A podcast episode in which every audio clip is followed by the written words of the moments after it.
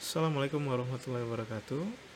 Saya Erwin Febriansyah, selaku dosen pada mata kuliah Analisis Laporan Keuangan. Pada kesempatan kali ini saya akan menjelaskan rencana pembelajaran semester atau RPS mata kuliah Analisis Laporan Keuangan pada Fakultas Ekonomi dan Bisnis Islam, Program Studi Ekonomi Syariah, Universitas Islam Negeri Fatmawati Soekarno Bengkulu. Nah, adapun pada RPS kali ini ada capaian pembelajaran. Nah, CPL Prodi yang dibebankan pada mata kuliah ini yaitu yang pertama, lulusan mampu menunjukkan sikap religius. Yang kedua, lulusan mampu menguasai konsep ekonomi syariah dengan baik. Yang ketiga, lulusan mampu menguasai konsep keuangan syariah dengan baik.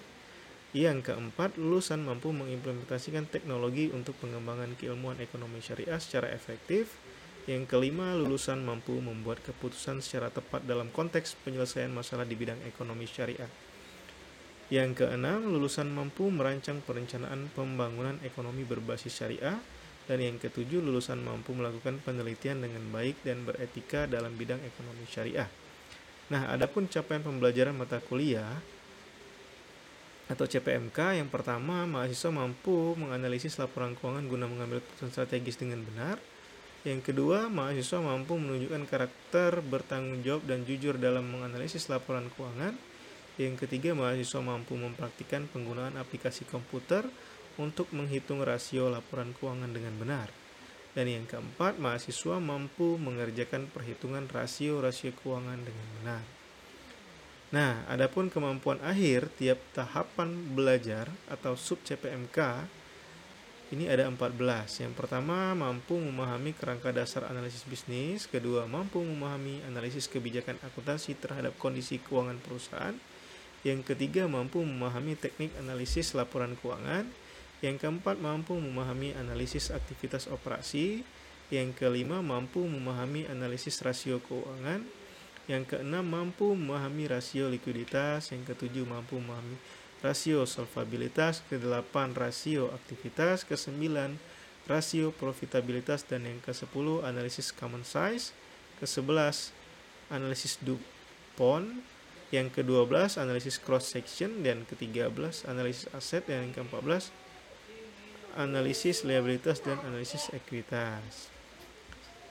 Nah, adapun uh, deskripsi mata kuliah ini, yaitu mata kuliah ini bertujuan untuk memberikan pemahaman pada mahasiswa dalam memahami konsep dasar yang dipakai dalam membaca dan menginterpretasikan laporan keuangan, serta memahami dan menggunakan peralatan analisis untuk membaca dan menginterpretasikan laporan keuangan.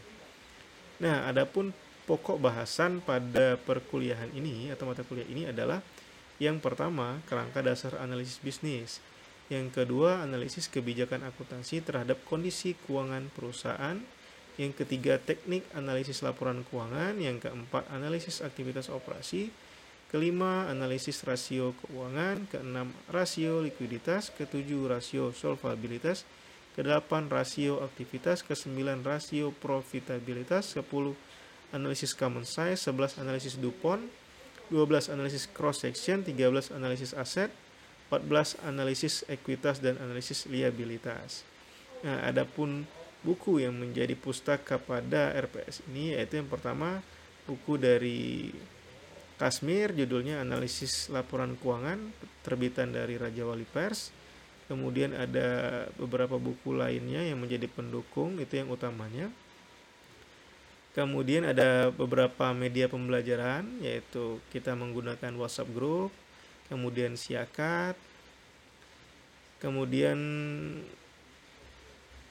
uh, tim teachingnya di sini adalah saya sendiri, Erwin Febriansyah.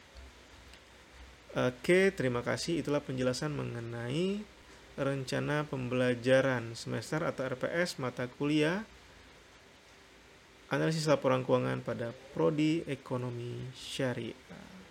Semoga bermanfaat.